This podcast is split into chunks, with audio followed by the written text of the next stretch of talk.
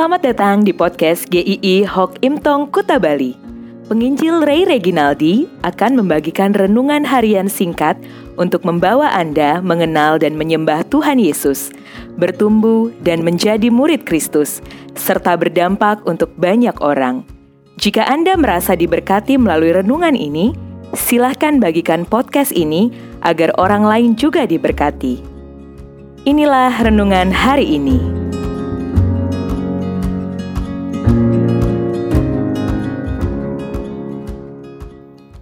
Kita kaya. Efesus 1 ayat 3. Terpujilah Allah dan Bapa Tuhan kita Yesus Kristus yang dalam Kristus telah mengaruniakan kepada kita segala berkat rohani di dalam sorga. Saudara-saudara, sudah beberapa bulan terakhir ini kita sering mendengar, membaca, mengalami berita-berita buruk. Semuanya berawal dari pandemi COVID-19 yang membuat banyak hal memburuk, sehingga banyak orang juga yang menjalani hari-hari tidak penuh semangat. Situasi rumah sering terasa panas, stres dengan anak-anak yang ada di rumah, dan lain-lain. Tetapi hari ini saya mau memberikan satu berita yang membahagiakan bahwa kita adalah orang kaya. Kaya dari mana? Pekerjaan seret, omset menurun, semuanya serba ngirit, yang saya maksudkan adalah kaya di dalam Kristus. Mungkin Anda bertanya, apa hubungannya dengan kehidupan yang sulit yang sedang dialami ini?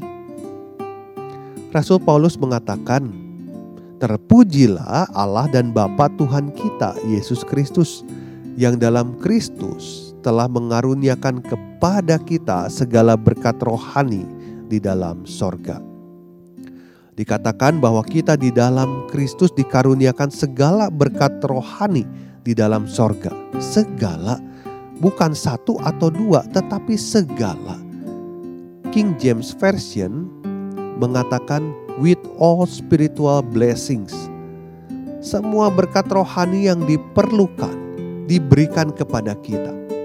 Frase di dalam Kristus dalam Efesus 1 ayat 3 sampai 14 diulang-ulang sampai 10 kali.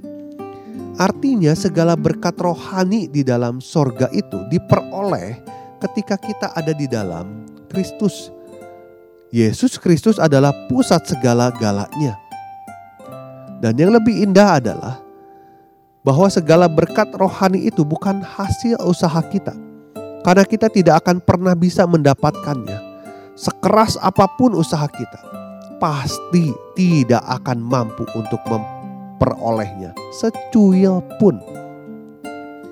Kita memperolehnya karena kemurahan Allah yang sangat besar. Memilih kita sebelum segala sesuatu ada. Sebelum kita ada. Dan dia tidak pernah menyangkalinya. Buktinya Tuhan Yesus datang ke dalam dunia dan menyelamatkan kita. Dia yang memilih kita dari awal. Tidak akan pernah bisa melepaskan kita sampai selama-lamanya. Karena dia adalah Allah yang setia. Kita kaya akan kasih karunia Allah Bapa di dalam Yesus Kristus.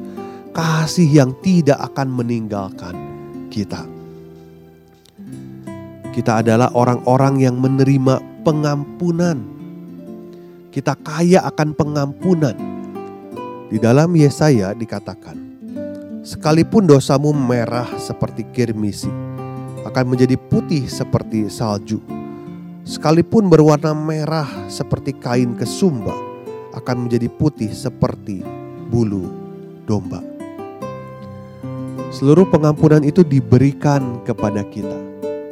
Tuhan Yesus bukan menebus dosa kita setengah, lalu mengharuskan kita bayar setengahnya lagi. Tidak, semuanya sudah dihapuskan dosa masa lalu, masa kini, dan masa yang akan datang. Itulah kekayaan pengampunan dari Tuhan untuk kita yang percaya kepadanya. Apalagi kekayaan kita. Kita kaya karena kita punya jaminan yang luar biasa. Dalam Efesus 1 ayat 13 sampai 14. Ketika kamu percaya dimeteraikan dengan Roh Kudus yang dijanjikannya itu.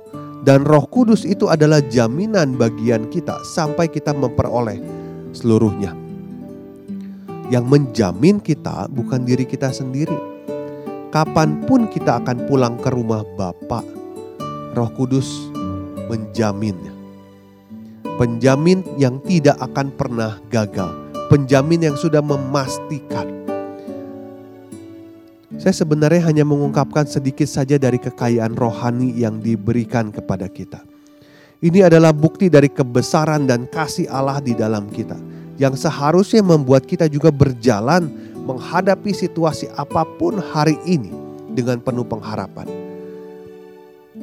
Jadi, kehidupan tanpa Kristus adalah kehidupan yang kosong, kehidupan yang miskin, kehidupan yang tidak bisa menikmati Tuhan, sekalipun Anda mungkin punya banyak hal, bahkan punya hal-hal yang diingini oleh banyak orang di dalam dunia ini. Tetapi tanpa Kristus, hidupmu kosong. Saat ini, semua orang hidup dalam kesulitan, bukan hanya satu atau dua orang bukan hanya Anda saja, tetapi ingatlah, kita ini bukanlah orang yang berjalan sendirian di dalam dunia ini. Sebelum kita ada, Allah sudah mengasihi kita. Saat kita ada dalam dosa, Allah mengasihi dan menyelamatkan kita. Setelah kita sudah menjadi anaknya, kita dikasihinya dan disertainya.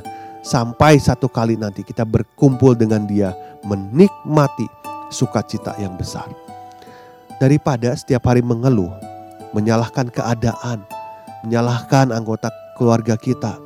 Kita curhat terus di media sosial. Pujilah Tuhan setiap hari karena kebaikannya. Bersyukurlah, lihatlah semua kekayaan rohani yang dianugerahkannya kepada kita. Apakah Anda kaya? Kalau hidup di dalam Kristus, pasti Anda kaya akan segala berkat rohani tidak ada apa pun yang kita inginkan yang setara untuk dapat ditukar dengan kekayaan yang satu ini. Tuhan Yesus memberkati.